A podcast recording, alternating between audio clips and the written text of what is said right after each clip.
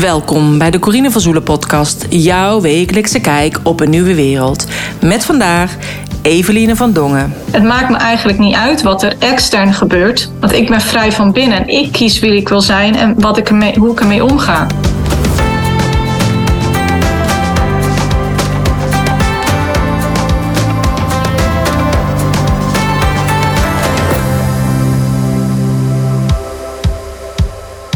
Welkom bij podcast 206, een interview met Evelien van Dongen. In deze podcast spreek ik met Evelien en zij is verhalenverteller, kunstenaar, spreker, priester, coach en jurist. En met haar kraakheldere analyses en liefdevolle visie op bewustwordingsprocessen opent zij ogen en vooral harten. Haar gepassioneerde stukken worden op social media vele duizenden keren gedeeld en ze zijn een baken van licht voor tienduizenden lezers. Ze gelooft dat de weg naar binnen, de transformatie is die een ieder zich in deze huidige tijd mag doormaken. Vanuit het angstveld naar het hartsveld.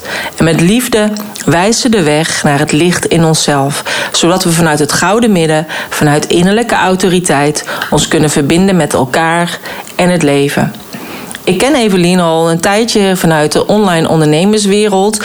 En omdat ze ook jurist is, ging ze ook bepaalde artikelen delen op LinkedIn over hoe het zat met de situatie waarin we ons bevonden sinds 2020.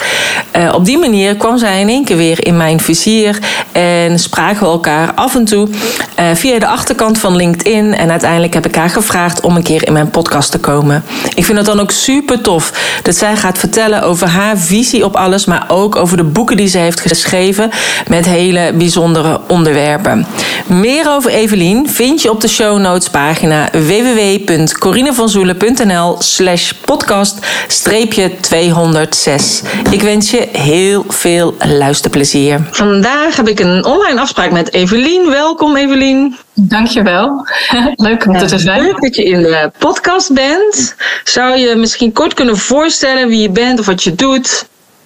Oeh, dat vind ik altijd wel een hele lastige. Ja, hè? Ja, nou, en het is, het is niet zozeer vanwege dat je dan al je rollen gaat opnoemen. Weet je wel, van nou, ik doe dit, ik ben schrijver, et cetera. Maar gewoon omdat ik altijd vind van ja, is dat heel belangrijk voor het gesprek? Maar ik schrijf inderdaad. En ik, maar ja, als, als, je me, als ik mezelf zou voorstellen, ben ik verhalenverteller. Oké. Ja, dat is nou, wel. Ik ben helemaal gefascineerd door verhalen. Ja, want ik denk, wij kennen elkaar wel al langer. Hè? Ik denk ook sinds 2015, 2016 vanuit de online wereld. Ja. Ook. En um, ik had toen yoga met de chakras. En volgens mij was je toen ook al met een verhaal bezig over meditaties of iets met magische verhalen of zo. Ja, ik ben, uh, ja klopt. Ik heb in, heel lang geleden, 2008, heb ik mijn eerste boek geschreven, Heimwee in Jart. Mm. En het ging echt over ja, waar je tegenaan kan lopen in jouw persoonlijke ontwikkeling. Van bindingsangst, verlatingsangst tot wat staat er nou tussen jou en, en die liefde waar je zo naar verlangt, zeg maar. Um, daarna ben ik zwanger geworden, heb een kindje gekregen. En toen, uh, ja, toen ben ik uh, tegen dingen aangelopen met hem, met allergieën, met trauma, met, um, ook met angsten. En toen dacht ik van, nou, hoe kan ik hem nou helpen? Dus toen ben ik bij iemand terechtgekomen en die zei van, nou ja, ik, uh, ik begrijp wat jullie doormaken. En ik vroeg aan haar van, nou ja, heb je het zelf ook meegemaakt? En toen zei ze nee. En toen dacht ik, oké, maar dan begrijp je dus helemaal niet wat ik nu doormaak en wat er met hem speelt. Dus toen, toen, ja, toen kwam ik steeds meer, liep ik tegen een muur op bij hulpverleners, dat ze eigenlijk niet begrepen wat er nou precies, ja, dat, dat ze het niet uit eigen ervaring een beetje konden invoelen en verbinden. En toen ben ik uh, systemisch gaan uh, leren werken met helende verhalen. Dus uh, echt verhalen om kinderen te helpen om te gaan met trauma, maar ook voor emotioneel mentale groei. En toen ben ik dus inderdaad heel veel ja, magische ontdekkingsreizen noemde ik ze toen nog. Oh ja, daar ben ik mee met magisch. Ja, magische ontdekkingsreizen. Ja. Hmm. En daar ben ik dus, uh, ik heb meer dan 300 uh, verhalen geschreven uh, voor kinderen. Met echt verschillende onderwerpen. Van hooggevoelig tot hoogbegaafd, tot boosheid, tot verlies van een ouder. Nou, ja, noem maar op. En daar ben ik op een gegeven moment schattenjachten aan gaan koppelen. En, ook een, en ik denk dat we daar ook een keertje een link mee hebben gehad. Toen heb ik ook een, verhaal, een verhaallijn gehad met, in combinatie met yoga. Mm. Dus ik probeerde elke keer te kijken hoe krijgen die verhalen nu tot leven en hoe kunnen ze het nu echt gaan ervaren. Vandaar de schattenjachten, yogalessen en dat soort dingen. Ja. ja. Toen ben ik bij dat online eh, programma gekomen te kijken van ja, hoe kan ik dit online doen. Ja, want die schattenjacht, dat was online, toch? Dat was een online. Uh... Ja, waren allemaal online en konden mensen dan zelf thuis weer uh, verder doen. En uiteindelijk is het nu een online wereld geworden. Waarin ik dus al die verhalen, al die schattenjachten, al die uh, trainingen voor ouders en kinderen, alles een beetje bij elkaar heb zitten in een wereld. En die heet uh, JK's Wereld. Mm Ja.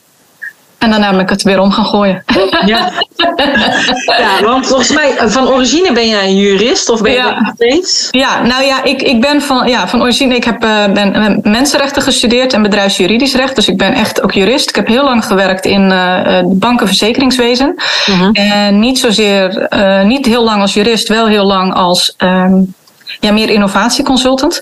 En dan niet bedrijfsinnovatie, maar, of productinnovatie, maar bedrijfsinnovatie. Dus hoe kun je nou ja, van, van, van een kleine MKB'er of een kleine ondernemer of een minuscuul idee kun je met de kracht van een corporate groeien. Dus ja, wij waren altijd wel bezig met hoe kan het wel, zeg maar. Niet Ja. waar liggen de grenzen, maar hoe kan het wel. En uh, ja, en dat eigenlijk in diezelfde tijd dat ik ja, mijn, mijn zoontje geboren is, ben ik gestopt. En toen ben ik uh, meer gaan schrijven. Mhm. Maar het mensenrechtenstuk, dat doe ik nog steeds.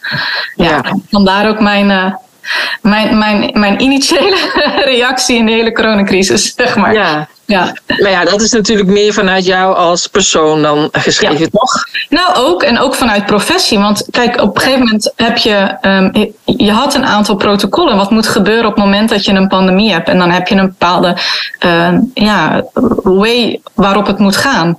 Uh, zowel mensenrechtelijk als, als, als bestuursrechtelijk, et cetera. En ja, da, da, daar zag ik al heel gauw dat er iets niet in klopte.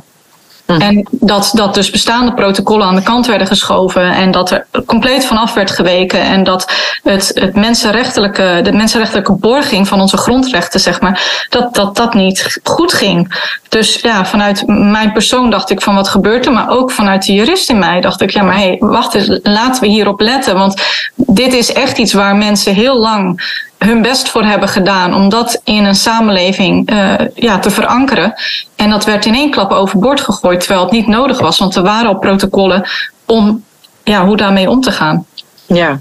Dus dat vond ik, heel, dat vond ik als mens, daar was, daar was ik heel lang, nee niet heel lang, daar was ik echt wel eventjes boos over, zeg maar. Totdat ik dacht van ja, wat heeft dit voor zin? Wil, wil ik, wat, wie wil ik zijn? En dat is nog steeds ook het thema in, in wat ik nu doe. Wie wil ik zijn? En ik wilde heel graag uh, spirituele romans schrijven. Mhm. Ik, dat heb ik nog nooit gedaan, dus dat wil ik graag eens doen. Mhm. En nou, dan komt die coronacrisis en ik was een lange tijd zorgcoach op scholen. Mhm. Uh, nou, de scholen die, die gingen weer dicht. En het, weet je, alles kwam een beetje tot stilstand. En toen dacht ik, ja, wat wil ik dan? Hoe wil ik bijdragen aan een wereld? En ja, dat is dan uh, wat ik nu doe. Ja, en toen Ja. is dus die spirituele roman gekomen. Toen is mijn eerste spirituele man gekomen, Eva's Lief. Ja, ja. Ja. Ja, en, uh, en je hebt nog de, de Bruine Hoed geschreven. Ja. En ik ben een godin, jij ook. En mijn vierde boek, die komt nu in mei uit. Oké. Okay. Dat is ook wel een heel tof boek. Maar dat is net iets anders. Die, die, die, de Eva's Lief gaat heel erg over het, het, eigenlijk het paternalistisch, narcistisch systeem. Dus hoe we van buitenaf um, ja, in een soort van wurggreep van angst zitten. Als schuld, boete. Nou ja, schulden zitten natuurlijk op elk niveau. Aan de hand van het Adam en Eva verhaal. Waarbij Eva kreeg natuurlijk overal de schuld van. Het vrouwelijke kreeg de schuld van alles. Mhm. En uh, de bruine hoed gaat meer over hoe het, ook het maternalistisch, narcistisch systeem ons van binnenuit onderdrukt. Eigenlijk als het serpent die onder onze huid zit. En die iedere keer maar, weet je wel. En ik geloof dat we dat we momenteel een beetje in die richting ingaan. Want ik zie het altijd als een pendule, weet je, die zo Ja. die weer slaat. En de ene keer de ene kant op en de andere keer de andere kant. En ik, het voelt voor mij nu dat vooral dat maternalistische systeem zichtbaar gaat worden. Dat gepamperde. En dat um, toch wel onderhuidse konkel, wat je, wat je, wat je, wat je een beetje ziet in het, in het doorgaan. Ja, het, het, uh, hoe zeg je dat? In het, um, het overvoelen in het spiritueel stuk. Mhm. En mijn derde boek die ging over Ik ben een godin ook, maar dat was echt gewoon een heel vurig boek. Ik, Mhm. las op een gegeven moment, ja, ik las op een gegeven moment de tekst. God had een vrouw, zij heet Sophia. En ik dacht, mijn god, in alles wat er mis is, dan staat gewoon in dit stukje tekst. Want het mannelijk-vrouwelijk hoort, hoort één te zijn. Yin-yang, samen één. Een stukje in het een, stukje in het ander. Altijd in balans. Maar hoezo had God een vrouw? Nou ja, ze had dan wel een naam. Dat ik dacht van, oh nou fijn, ze heeft wel een naam. Weet je, Ja. vrouw. Maar waarom is, was het niet God had een godin? Of, en uiteindelijk bleek, als je daar dan verder in duikt... dat, dat die godin Sophia staat voor het, het, het genieten en ervaren in het leven Dus, dus alles wat aan het vrouwelijke. Wij denken heel vaak dat het, het, vrouwelijke voelen is weggedrukt. Hè? Mm Dan zeggen ze van nou, Aquarius tijdperk, we gaan weer voelen, we gaan weer flowen, we gaan weer in die verzachting komen. Maar als je echt goed terugleest, dan is het eigenlijk het vrouwelijk vuur wat is wegge, weggemoffeld. De heksen werden verbrand vanwege hun vuur, vanwege hun ja. wijsheid, vanwege hun power die ze hadden en, en hun transformerende kracht. En die godin Sophia zegt ook, je moet het leven ook in die dualiteit kunnen ervaren. Je moet ook op ontdekkingsreis gaan. Je mag genieten, je mag schaamteloos, schuldenvrij, wauw, weet je, dat hele leven omarmen. Want dan kun je, kun je, jou, ja, kun je voorbij die dualiteit gaan. En uh, ja, dat was dus echt een heel, heel, voor mij een heel vurig boek, maar een heel persoonlijk boek ook. Maar heb, je dan niet het idee ook dat de vrouwen nu meer in hun kracht komen en dan ook in, in hun vurige kracht? Kijk, ik zie heel veel mensen uh, in mijn bubbel die dan meer naar die feminine energie gaan en meer naar de zachtheid. En dat ze inderdaad dus niet op die mannelijke energie mogen gaan. Maar jij hebt dus meer over van ze mogen meer hun eigen, eigen vuur inderdaad dus naar buiten brengen. Ja, nou ja, ik, denk dat dat inherent is aan, aan, de, aan de ontwikkeling die we met z'n allen maken. Dus je gaat inderdaad van een verstarring in het, in het mannelijk stuk, ga je naar een, een, een flow in dat vrouwelijke voelen. Waardoor je inderdaad je trauma's kan helen, waardoor je kan zien van hé, hey, maar is dit wel wie ik wil zijn of waar ik voor wil kiezen? Is dit wel hoe wij de wereld willen hebben? Maar tegelijkertijd heb je een, een, een, een heftig vuur nodig om het oude te verbranden, om, om een nieuwe vruchtbare bodem te creëren. En ja, ik kijk dan bijvoorbeeld naar Iran. Ik weet niet of je daar iets van meekrijgt van wat die vrouwen daar doen. Ja. Weet je, die zeggen niet van ook oh, voel hem vandaag niet. Nee. Nee, nee maar, maar, maar dat bedoel ik. Dus die kunnen niet anders. En die staan op voor hun kinderen, voor hun toekomstige generaties, wetende dat ze het misschien met de dood gaan bekomen. Ja. En, zo heftig hoeft het natuurlijk helemaal niet te, zo ver te komen. Maar je ziet wel, en dat zie ik dan bij mij heel veel in mijn omgeving, er zijn heel veel mensen die nu tegen stukken aanlopen van ga ik met die relatie verder? Blijf ik het werk doen? Weet je, en, en durf ik mijn grens aan te geven? Durf ik op te komen voor wat ik, waar ik voor sta? En, um, ja, en dat is denk ik dat vrouwelijk vuur, wat in ieder van ons zit, zowel de man als vrouw. Dat is die phoenix, die die, die, die, boel maar aanwakkert en zegt van hé, hey, kom op, weet je, verbrand het en maak er iets nieuws van. Ja, uit de as herreizen.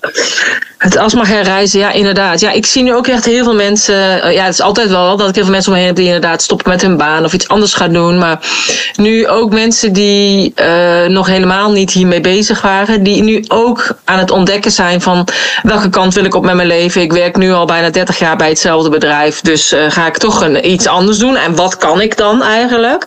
Hè, wie ben ik dan als ik niet die banen heb? Maar ook binnen relaties zie ik nu ook dat steeds meer vrouwen voor zichzelf gaan kiezen. En ook dus inderdaad relaties verbreken. Ook hele lange um, huwelijken. Uh, ja, waardoor dan toch bijvoorbeeld blijkt dat die man narcistisch is, wat ze uiteindelijk natuurlijk zelf ook toe hebben gelaten. Maar wel doordat ze nu meer in hun kracht gaan staan, eigenlijk nu wel de stappen durven te gaan nemen en ook zien wat er speelt binnen de relatie. Ja, en ik, ik geloof zelfs nog dat het een stap verder is. Dat op het moment dat jij werkelijk in je kracht staat, dat jij ook verantwoordelijkheid neemt voor dat stuk dat jij daar zelf ook debet aan hebt, bent geweest. Mhm. En dat jij waarschijnlijk, hè, takes two to tango, dus het is twee kanten op. En ik had laatst nog met iemand over, ja, weet je, dat je dan wegloopt en zegt, oké, karma, ik weet het, hij is narcistisch of wat dan ook. Maar kun je ook zeggen van, oké, misschien was ik het wel. Ja. En, en als dat zo is, kunnen we elkaar vergeven. Want we hebben hier iets heel moois van geleerd. En ja, weet je, in je kracht is ook daar een stukje verantwoordelijkheid voor nemen. Ik ben heel erg van de slogan: The only way out is in. Ja. Maar in in, in, in dat hele zinnetje staat ook out. Dus het is niet alleen heel erg naar binnen keren, maar ook voor, hè, verantwoordelijkheid nemen over jou, wat jij voelt. En dat ook niet meer op de ander projecteren, maar het is ook naar buiten toe je verantwoordelijkheid nemen. Ja. En daarin ook uh, krachtig stappen gaan nemen. Dus dat, ja, daar zit voor mij ook nog een stukje van dat, van dat vuur. Is voor mij ook van oké, maar dan, dan, dan, dan zit je in dat stukje. Je, je gaat eruit, je, je wil iets anders. Um, en daarvoor moet je eerst naar binnen, want dat is die identiteitscrisis. Elke depressie, elke crisis, het enige wat het van je vraagt is naar binnen keren. Uh en het is eigenlijk een geschenk. Het is niet eens, een, een, het is niet eens erg. Wat er nu gebeurt is, vind ik niet erg. Kijk, dat, je, dat, dat er lijden is, is, is eigenlijk onvoorkomelijk. Mhm. maar, maar het lijden moet niet leidend zijn. Nee. En het, wat leidend moet zijn is van wie wil je dan zijn? En, en waar kies je voor? En dat is waar ik nu zie dat je dus, en, en sommigen zijn al een stukje verder, zeggen van nou ik kies daarvoor, kies daarvoor. Maar kiezen voor liefde, voor de tijdlijn van liefde, is dus ook liefde, in, in liefde ook die anderen het beste gunnen. Mhm. En dan kun je zeggen van nou dan wil ik dat karma zijn best doet. En sommigen zeggen van ja, God straft hem wel. Of Ja. nou, is, is dat liefde dat je wil dat die ander nog gaat lijden? Ja. Wil jij er zelf ook aandeel van hebben? En dus dat is nog een stap verder in het vergevingsproces. In het echt in je kracht staan en zeggen van oké, maar dan ga ik ook niet oordelen over anderen. Dan ga ik ook niet meer projecteren. Dan ga ik ook niet zeggen van ik weet het. Want Ja. eigenlijk weet niemand het. Want jij kan het ervaren dat hij narcistisch is, maar misschien is hij dat in een andere relatie niet. Maar je bestempelt hem dan wel gelijk. ja, precies. En dat vond ik met kinderen ook zo, weet je, wel, dat ze, dat ze kinderen zo snel een stempel geven. Ik heb mijn kinderen heb ik heel lang eigenlijk ook niet willen laten testen op hoogbegaafdheid, omdat ik dacht van ja, maar ik wil eigenlijk niet dat ze een stempel krijgen. Maar ja, dus, dus dan, dan tekent het ze zo voor het leven. En dan als je dat ook uitspreekt, van nou hij was narcistisch, spreek je dat misschien ook uit naar je naasten, die ook weer anders naar iemand gaan kijken. Maar het is jullie tango geweest. Ja. Nou ja, en uiteindelijk laat je het inderdaad dus zelf toe. Dus dat is het ook. Maar daarom, eh, het is iets wat je natuurlijk geraakt wordt in jou. Het is een soort spiegel. Eh, en ja, dat, ja, ik denk dat het heel goed is dat je dat inderdaad nu ontdekt. En dat, dan, dat je dan besluit van oké, het, het kan gewoon zo niet verder. Het is beter als we dan allebei Ja. eh, onze wegen scheiden. Maar ik zie dat wel nu heel veel om me heen ook. Ja. Bij, ehm, en Ja, ik denk gewoon, Ja. kijk, vanuit de overheid is het natuurlijk eigenlijk ook narcistisch. Ja, daarom. Dus het is niet anders. Het is allemaal. Het, we zitten er zo in gedrenkt in die wereld. Dat, dat, dat ik denk dat niemand geen narcistische ervaring heeft. Of niet soms ook aan die andere kant van de klepel zelf narcistisch Precies, gedrag ja. heeft getoond. ja. We, we, we kennen niet anders. En, en dat, is, dat is denk ik de mooie uitdaging van deze tijd. Het wordt zo zichtbaar en zo voelbaar. Van wat? Weet je, wat, wat heb ik al die tijd toegestaan? Of wat heb ik al die tijd gedaan? En, Ja. Maar hoe dan wel? Weet je, Ja. dat- ja. Wil je het dan inderdaad wel? Ja. Ja. en ik- dat zie ik dus nu inderdaad steeds meer naar voren komen. Dat ze inderdaad meer voor zichzelf gaan kiezen. En ook al weet ik nog niet dan wat de toekomst brengt. Maar ik ga toch deze beslissing nu nemen. En ik vind dat eigenlijk wel heel krachtig. Ja, ik ook. Ja. En zeker dat je durft te onthechten van alles wat je, ja, waar, je, waar je nog aan vasthield. En dat kan je relatie zijn, of angsten, of controle. Een oude wereld, hè, het oude normaal, nieuwe normaal. Ja.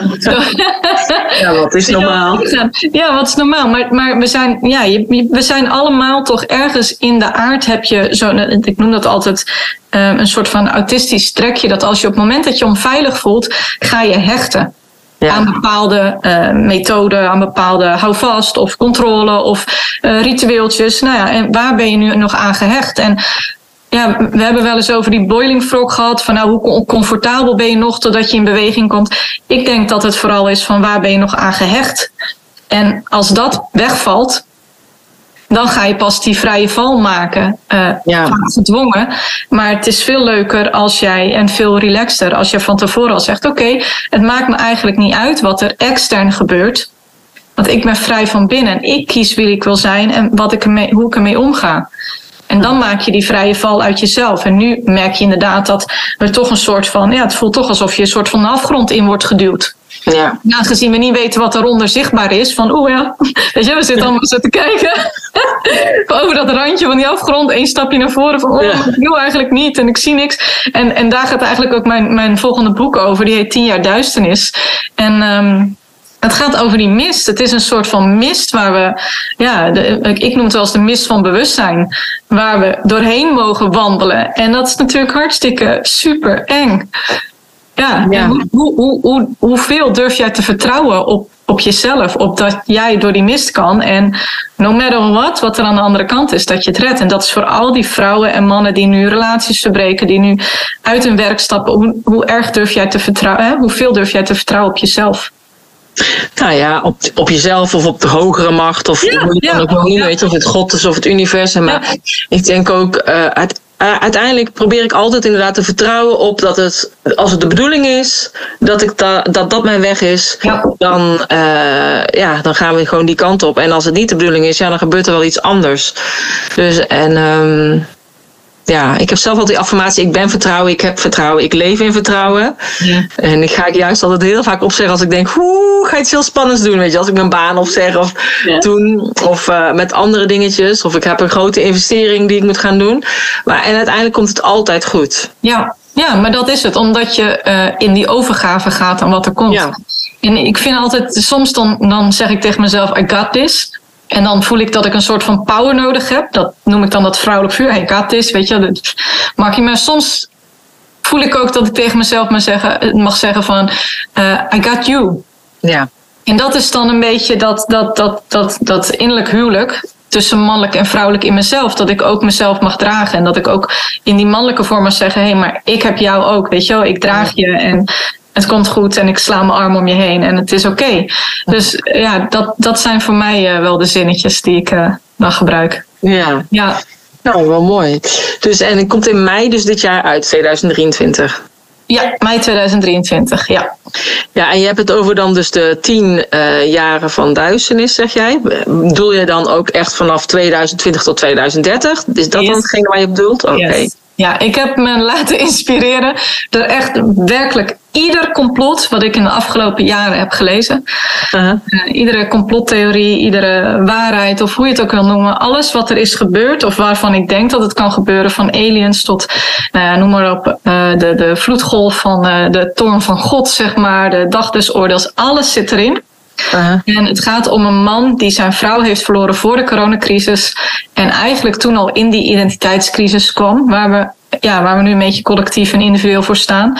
Um, en die zijn weg probeert te vinden daarin, maar tegelijkertijd opgejaagd wordt omdat hij een sleutelrol heeft en hij weet niet welke rol dat is. Nou ja, en uiteindelijk alleen aan het einde, en het is echt heel dik, want het is drie delen, dus het is bijna 750 bladzijden. Zo. En alleen aan het einde komt het licht. Dus. Oh, dan zou ik eerst nog tien jaar worstelen door die mist. Nou, het is, niet, het is niet een worstel, want hij leert heel veel en hij ontdekt en iedere keer weer en iedere keer een laag dieper en weer een andere. En het is alleen, en ik denk dat dat het is, zolang we nu, uh, weet je, we zoeken nog steeds zo graag, hou vast buiten onszelf. En dat heb je gezien in de coronacrisis en ik zie het nu nog steeds nog wel eens van die mensen die, die dan als die externe redder worden uh, binnengehaald en verwelkomd en op een podium worden gezet. En, uh, en natuurlijk spreken zij een stuk waarvan ik denk, oh ja, weet je, helemaal waar, helemaal correct en dat hadden we net nodig. Maar het is niet zo goed om, om je houvast te hebben op een externe red, om daar je hoop op te zetten, omdat jij het zelf bent. Je ja. kan het zelf. Ja, je bent je eigen goeroe, hè? Ja, ja, nou ja dat. dat is het. Ja. En ik denk ook, er zijn natuurlijk nu ook ja, heel veel goeroes, dus ook binnen de spirituele wereld, die ook allemaal van, het, van hun sokkel af zijn gevallen, die ook toch wel echt andere intenties hadden dan dat uh, bleek. Uiteindelijk is het altijd het belangrijkst, inderdaad, om uh, te vertrouwen op jezelf en ja, je eigen innerlijke ja. wijsheid. Ja, en ik denk op het moment dat je um, dat spiritualiteit aan zich een, uh, een verdienmodel wordt, dan zou je als, als, als klant, consument of hoe je het ook wil noemen, dan, dan moet je eigenlijk al nadenken. Ja. Want, en, en je kan heel veel brengen, maar op het moment dat het gaat om de, om de, de, de verering van de persoon, dan, dan is het al niet meer spiritueel. En als iemand zegt van ja, maar ik ben helderwetend, dus ik weet het, hmm. dan is het dan niet waar. Want ik geloof echt, ik, ik ben heel erg van het. Ik geloof dat we allemaal in allerlei realiteiten leven. En ik vind dat heel prettig om dat zo te nemen. Want soms denk ik ook, ik weet het ook niet, zelf kost tegen mijn kinderen. Misschien geloof ik iets compleets verkeerds. dat zou best kunnen. Maar ik word er heel blij van. En het, het maakt mij een beter mens. En ja, weet je, ik voel daardoor voel ik meer liefde. En ik voel me meer in mijn kracht. Door te doen alsof het gewoon een soort van kwantumveld is. Waar we zelf die realiteiten in creëren. Met onze mind, met onze gevoelens, met ons hartsveld. En nou, weet je, als we geluk hebben, zitten we op dezelfde vibe en dan gaat het goed. Maar ik wil niet zeggen dat ik per se gelijk heb. Mm-hmm. Of dat een ander weet wat het is. En als er iets mij duidelijk is geworden in de afgelopen jaren, is dat um, wat we voelen ook niet per se uh, hetgene is wat leidend is. Want, want het ene moment ben je verliefd en het andere moment ben je dat niet. En het ene moment haat je iemand en dan ga je door je pijnpunt heen en dan voel je liefde. Weet je, dus, dus wat we voelen is ook niet altijd waar. Ja. En uh, dat vind ik altijd wel een mooie, dat ik, dat ik altijd probeer te reflecteren van oké, maar is dit waar? En wat ik nu zeg, zeg ik dat vooral voor mezelf? En had ik dat nu nodig? En kan ik het delen waardoor misschien iemand anders op dat moment er ook wat aan heeft? Maar dat wil niet zeggen dat het waar blijft.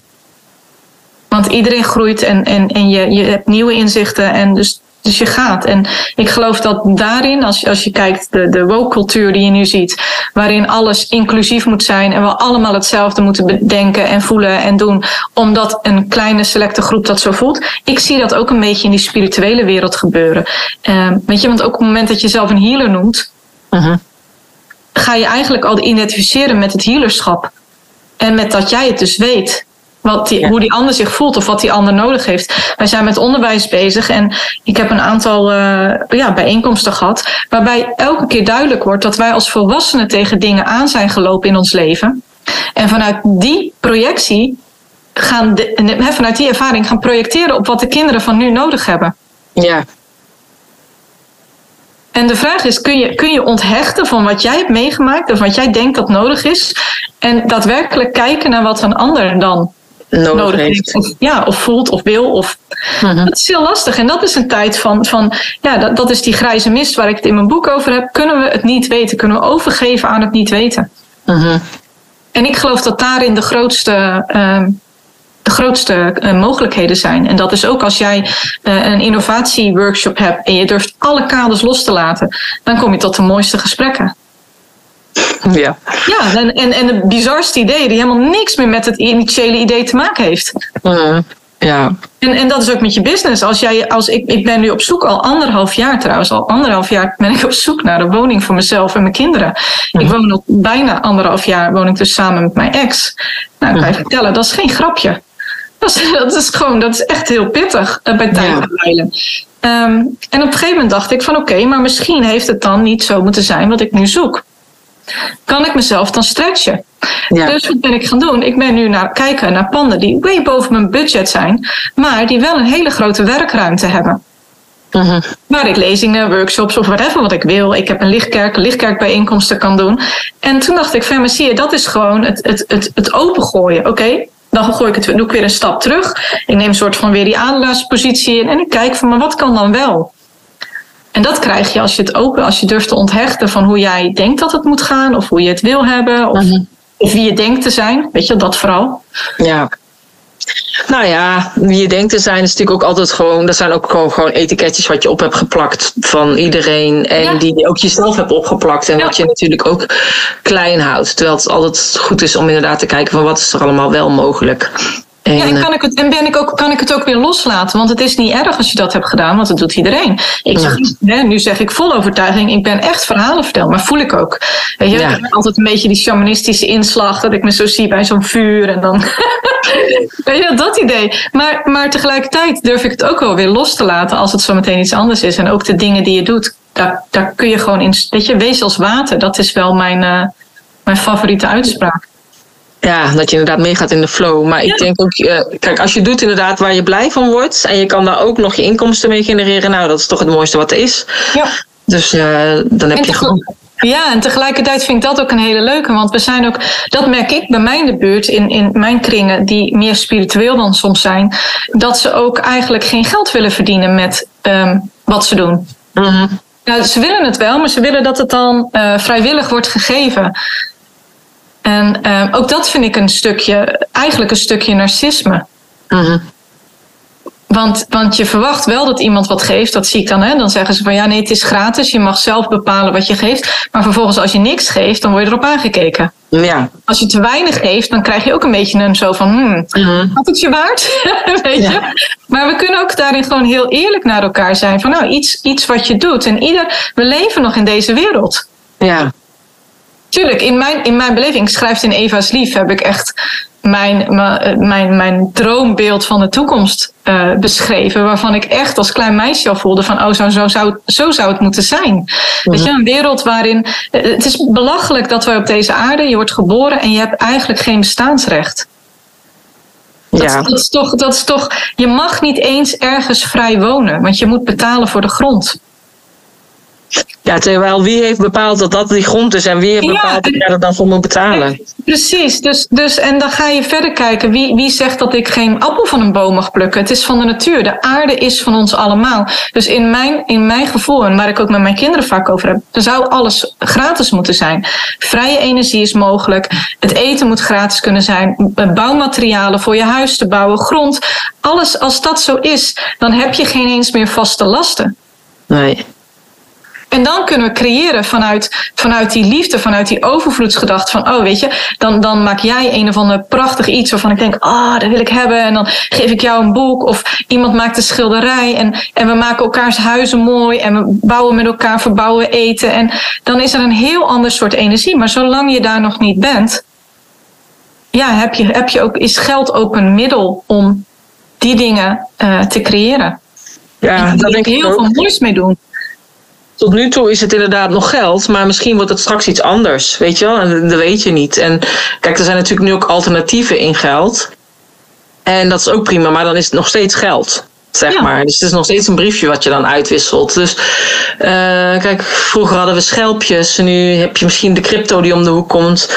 Uh, ja, maar je kunt inderdaad goederen ruilen met elkaar. Uiteindelijk is het allemaal een ruilsysteem. Ja, daarom. Maar stel, ik wil jouw schilderij niet. Ja, stel ik wil jouw schilderij niet. En dan? Dus ik vind geld vind ik nog steeds, weet je, daar zit ook zoveel schuld op.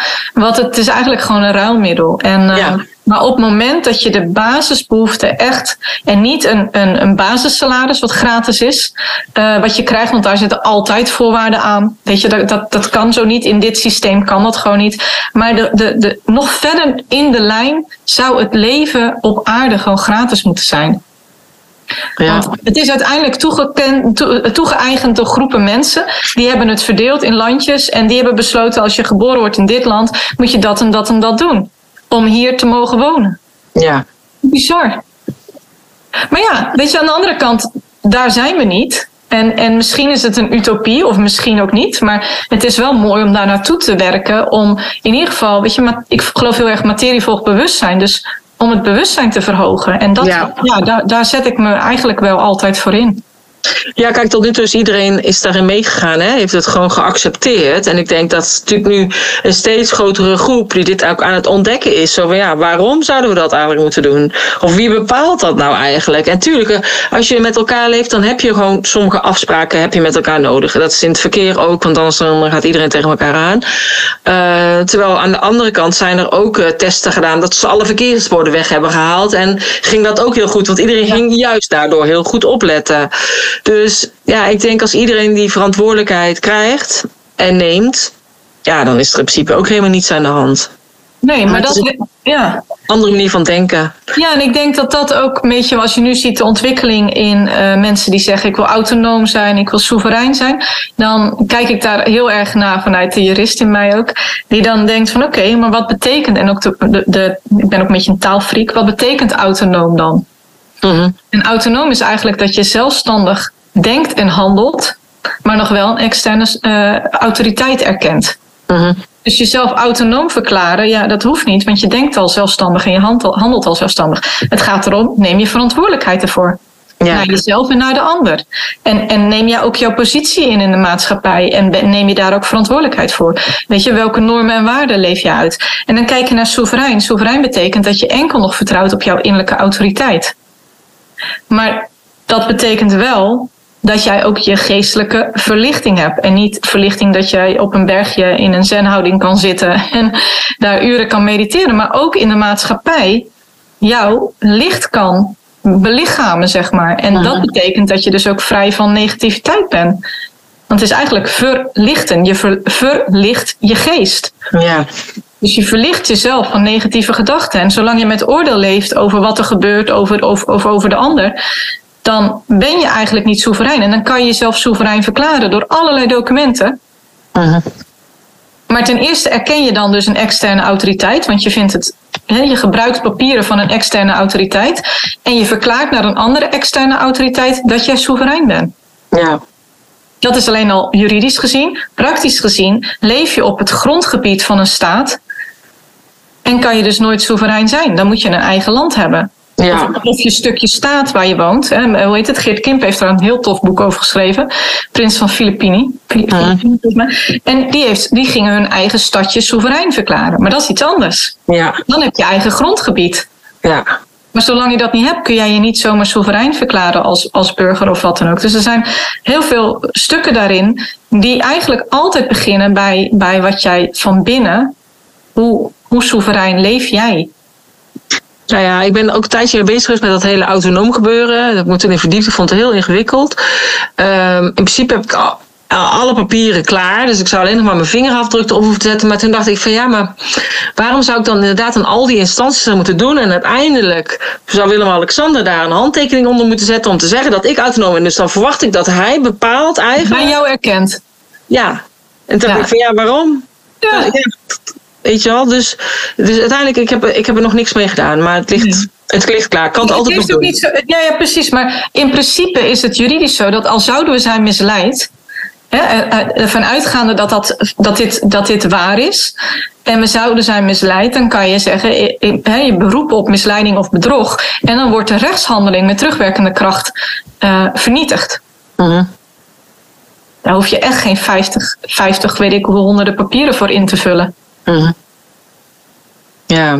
Dus juridisch gezien klopt het dan niet. En ook niet dat iemand zich dan zegt van ik ben uh, een juridisch. iemand heeft zich de jurisdictie gegeven, zichzelf, om de Hoge Raad van de Kinderen te zijn. Ja.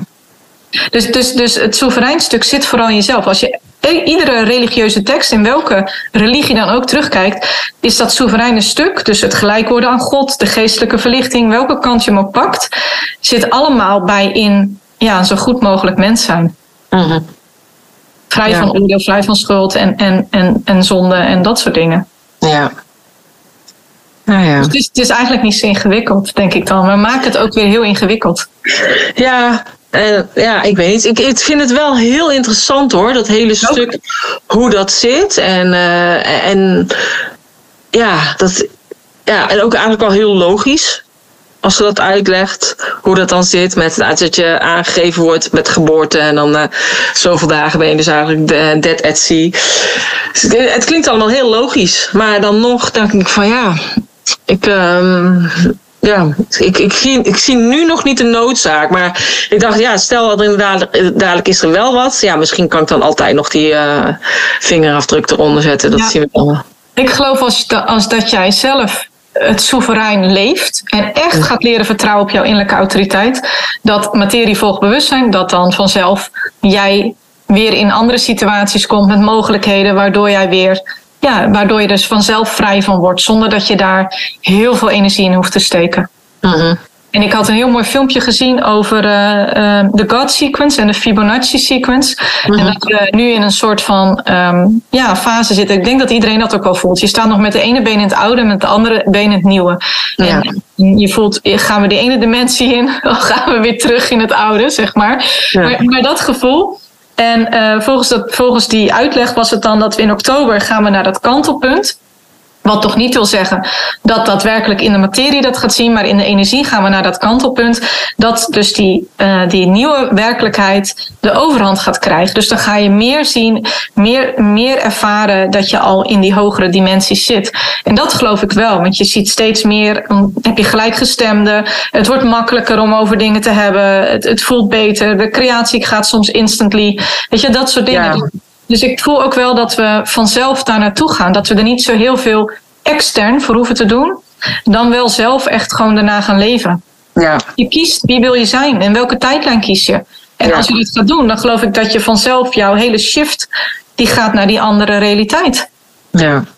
Ik denk dat jij dat ook wel merkt in je leven. Hoe meer je kiest voor, voor waar, waar je hart van in de fik staat, zeg maar, hoe meer het gaat stromen. Ja, dan gaat het gewoon echt heel moeiteloos, alles. Ja, Dus hetzelfde als dat ik dus uh, benaderd was voor die uh, documentaire. En uh, hadden, ik had afgesproken met die regisseur. En dan, toen lukte het niet op die moment, dat moment. Dan zou ik op maandag naar haar toe gaan. En toen zei ze, ook oh, kan je anders ook dinsdag? Zei ik, nou helemaal prima. Dus toen ging ik dinsdag. En, en ik zag haar, het was heel gezellig. En, en toen hadden we het dus inderdaad over Turkije. En toen zei ze van, zullen we wel eens naar Turkije filmen? Want ik ga toevallig morgen naar Turkije. En dat had ze net die nacht geboekt, van maandag op dinsdag. Ja. Dus als ik daar op maandag was geweest, had, had ze dat ook niet voor kunnen stellen, weet je wel. Dus, en uh, nou ja, en op vrijdag zat ik in het vliegtuig en zaterdag hebben we de hele dag gefilmd. En uh, was ook nog de.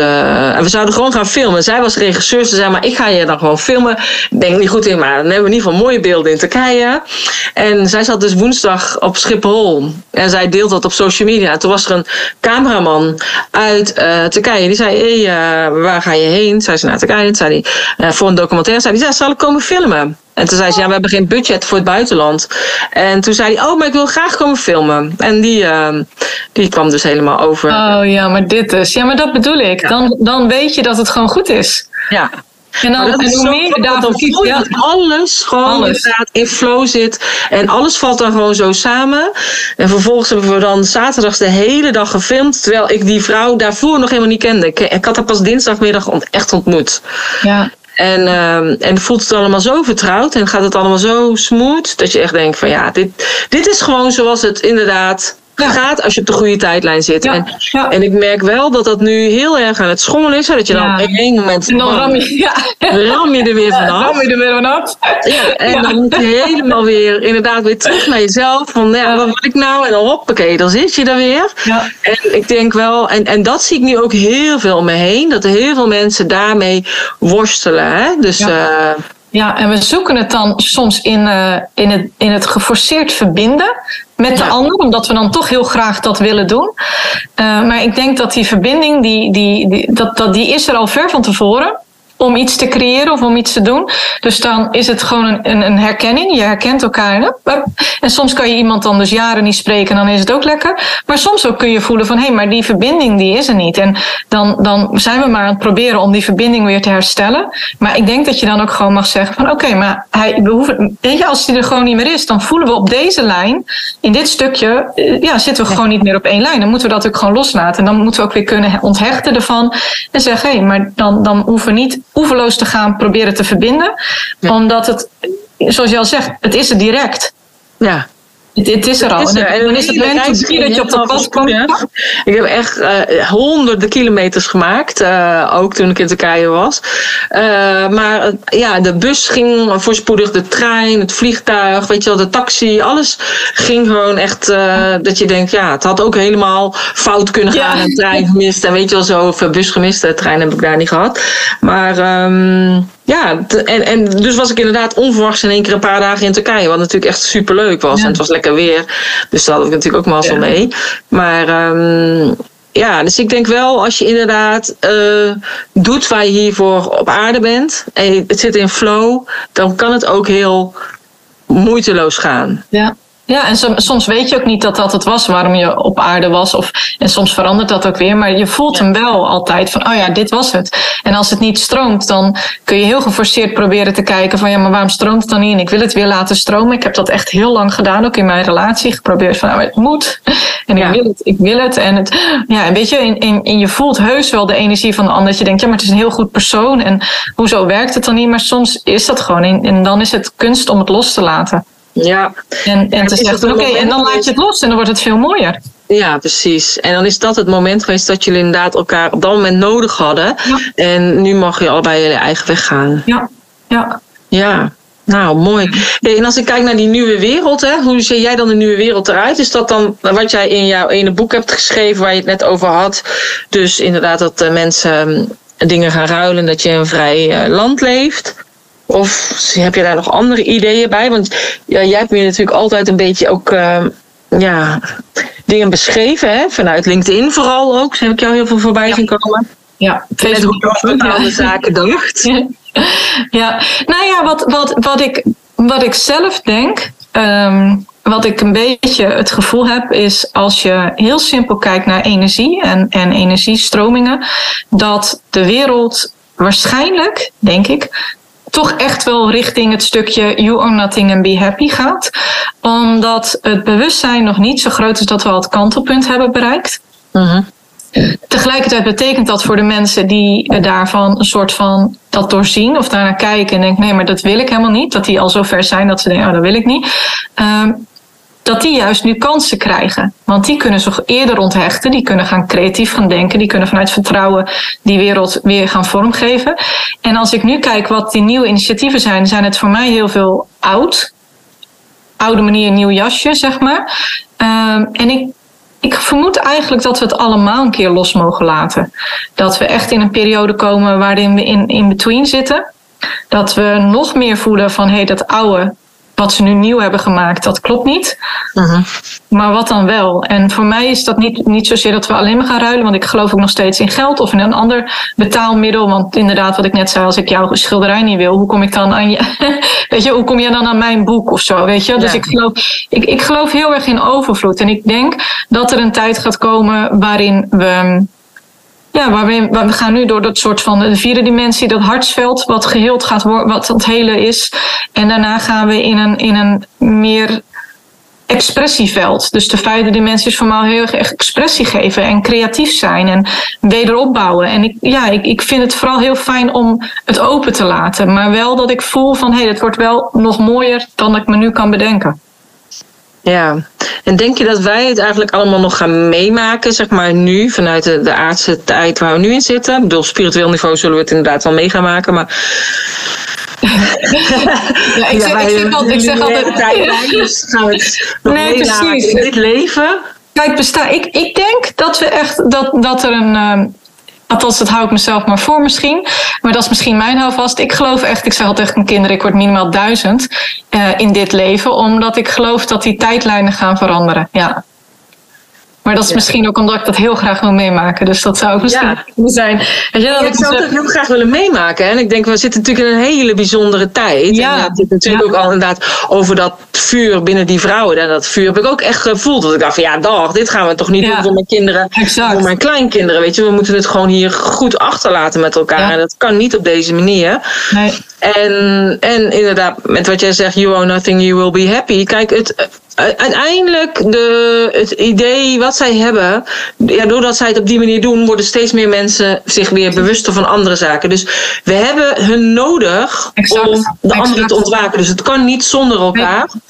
Um, en als je inderdaad allemaal leeft van de natuur en alles is gratis, ja, dan heb je ook you owe nothing, uh, you will be happy. Want het is van iedereen. Exact. En ik denk eigenlijk dat dus, dus dat uiteindelijk die tijdlijn, wat, het is allemaal hetzelfde. Het leidt allemaal naar hetzelfde. Ja. Dat, dat gevoel heb ik. Alleen het is maar net vanaf welke kant je bekijkt. En ga je erin met angst of ga je erin met vertrouwen? En ga je ervan genieten van wat er komt? En ga je creëren? Ga je, ga je met elkaar prachtige dingen doen? Want het feit dat er een, een 5G-netwerk mogelijk is, betekent ook dat we zometeen nog veel makkelijker kunnen gaan uh, telepathie kunnen gaan toepassen. En al die andere dingen. Dus, dus het is maar net, ja, ik zie heel erg veel kansen. Ik, ik denk altijd van, oké, maar als dat is waar ze me angst mee willen, bang mee willen maken, dan raakt dat iets met mij. Dan mag ik die angst aankijken en dan kan ik kijken, hé, hey, maar wat kan dan wel? Dus net wat je zegt, ik geloof heel erg dat, dat, dat we zelfs een soort van uh, dankbaar mogen zijn en mogen vergeven voor wat er gebeurt. En op het moment dat jij blijft zeggen, um, een soort van dat gelijk krijgen, zie je wel, ik had gelijk, ze willen, ze, hè, wie zijn dan ze? Ze willen dit met ons doen, ze doen ons dat aan, ze hebben dit, dan ga je dat ook manifesteren. Dus je blijft in hetzelfde cirkeltje. Wat je aandacht geeft, groeit. Ik heb er best wel vaak ook ruzie over gehad met mensen. Want die zeggen, ja, maar je moet het duister aankijken. Maar ja, ik, ik vind het aankijken en dan denk van, oké, maar ik zend het mijn licht. En ik geef daar geen akkoord meer aan. Weet je, ik doe daar niet meer aan mee. En ik creëer iets anders. Is wat anders dan oeverloos in de kerkers van de samenleving blijven rondlopen en kijken naar hoeveel lijden er is. Ja. In de hoop dat je gelijk krijgt. Want is dat gelijk krijgen dan zoveel belangrijker dan, dan iets nieuws creëren waar wel mensen blij van worden? Ja, wil je gelijk of wil je geluk, zegt uh, Ja, oh, dat is een mooie. Ja, ja. ja. Ehm, ja, en ik denk inderdaad met die angst. Kijk, je kunt inderdaad, de angst is, als je, eh, als je helemaal erin meegaat, dan ervaar je de angst. Je kunt ook daar naartoe kijken en denken, ja, ze gaan dit en dit en dit doen. Ervaar je ook die angst, omdat je ongeveer weet wat er gaat komen. Ehm, maar de angst is ook, in, in, zit dus ook inderdaad in die uh, wereld. En dat is met dat shedding. Zeggen ze van, ja, maar je hebt ja. shedding vanuit die vaccins. En hebben we het vaccin niet genomen en nu krijg ik shedding. Ja, ik, dan denk ik, ja, dan creëer je ook een angst. Ik had zoiets van, ja, ik ga daar gewoon ook, daar ga ik dus ook gewoon niet in mee. Nee. En uh, dus ja, dus ik heb ook geen last gehad van shedding. Nee, en ik heb het zelfs nog erger gezegd, in, in, voor sommigen erger. Uh, dat ik zei van, nou ja, stel dat het echt moet, dan neem ik hem met liefde. Ja. Dan zie ik het als een, als een prik die mij zoveel liefde gaat geven dat ik er ook geen last van heb. Weet je, dus ik geloof echt dat je eigen werkelijkheid creëert. En hoe meer je toch in angst of in strijd gaat zitten, hoe, hoe heftiger het wordt deze tijd. En ik geloof dat het best voor sommigen heel heftig kan zijn al en nog heftiger gaat worden. Mm maar het is maar net welke tijdlijn je kiest en hoe je daar dan mee omgaat. Dus uh, ik, ik snap datzelfde met dat nu, dat insecten. Weet je, moet ik me daar dan heel druk om maken? Ik vind hem trouwens wel heel grappig dat je, dat je hebt dat ze de elite reptilians noemen en dat wij dan e-, insecten eten. Dat, dat, maar dat we allemaal exact als een, vanuit het reptilian brein ook gaan reageren erop. Ja. Dus, dus het is, het is zo'n mind, mind game, zeg maar. En, en dat doorzien, dat, dat, dat je het zelf creëert en dat je er zelf kan zeggen van hé, hey, maar ik, ik glitch je gewoon uit, weet je wel, bye bye. Dat maakt het denk ik dat het, uh, ja, dat, dat hoop ik ook in mijn boeken mee te geven, dat je zelf altijd de keuze hebt. Nou, ik vind met de insecten inderdaad ook dat ik denk van, ja, als een dierenleven zo belangrijk is, waarom zou je dan nu dan 500 insecten moeten gaan eten? Zielig. Uh, ja, ja. bijvoorbeeld voor, voor één maaltijdje of zo. Dan dat je. En, en een koe die kan dan zoveel maaltijden mee doen. Weet je wel? Dus, en ik denk, en zijn onze magen daar wel op uh, voorbereid. Maar ik weet dat ze. het is zelfs nog simpel, hè, die oplossing. Want het feit dat je dus per mens hebben ze iets van zes tot acht stukken vlees per dag kun je uitkiezen. Ja. Uh, waarom zoveel, weet je? Maar we doen het toch zelf. Dus we doen het ook zelf. Ja, ik eet al heel lang geen vlees meer of geen dierlijke Dus ik heb er geen last van. ik doe er niet aan mee. Ook daar doe ik gewoon niet aan mee. Maar daar mogen we eigenlijk ook wel weer kijken. Van, we kunnen of zeggen, oh het is heel erg. Maar je kunt ook zeggen van, oké, maar wacht eens. Misschien wil ik wel vegetarisch worden. Want dan eet ik ook die zwaarte, die zware energie die die dieren met zich meedragen. Omdat ze ja, eigenlijk onder erbarmelijke omstandigheden leven en worden opgeofferd voor ons. Dat kunnen we dan ook. Dus het heeft een Pieter kansen. Ik zit er naar te kijken denk ik, mooi, zo meteen iedereen vegetarisch. Heel veel dierenleed wordt bespaard. Ja, dat is toch zo? Ja. maar ja, als we al, al heel veel meer insecten gaan eten, ja, dan is er nog wel heel veel dieren. Nee, maar dat zijn ook nog steeds dieren. Dus insecten is, moet je ook niet eten als veganist. Nee. nee. dat lijkt mij ook niet. Maar ja, afijn. Ja. Ik, eh, ik vond het een interessant uh, gesprek. Dus uh, Hartstikke bedankt voor uh, ja. het inzettingen en over je boeken. En ook leuk dat je in ieder geval het boek een beetje kort hebt toegelicht. Dus als mensen meer willen weten over je boek, dan uh, ja. verwijs ik zo meteen straks nog naar de, naar de show notes pagina. En dan uh, kunnen ze vanuit daaruit, kan ik verwijzen naar alle dingetjes en naar jouw social media kanalen. Ja, dat is leuk. En ik weet ook niet eigenlijk wanneer die live gaat. Maar ik heb 1 februari nog een hele toffe lezing. Een boekceremonie met Loes Winkels. Dus dat is ook altijd echt heel leuk. We doen het echt heel leuk samen. Ja. Hij zingt en ik spreek, weet je wel dat. Dus... Uh, ja, nee, ja, nou, 1 februari ga ik niet redden. Ga niet redden. en er komt er vast nog één daar, dus dat is leuk. Ja, ja precies. Dan komt er eentje daarna. Dus ja. uh, nee, superleuk. Nou, hartstikke bedankt voor het uh, gesprek en heel veel succes met ja, bedankt. Leuk, dank je. Ja, dat was Evelien. Ik hoop dat je net zo genoten hebt als ik. Ik vond het een super waardevol gesprek. Ik zou dan ook zeker adviseren om haar te gaan volgen.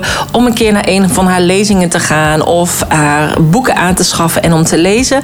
En um, deel vooral deze podcast. En als je het interessant vond. En mocht zijn als je meer weten over Evelien en haar boeken. Check dan de show notes pagina www.corinevanzoelen.nl slash podcast 206. Dankjewel voor het luisteren en graag tot de volgende keer.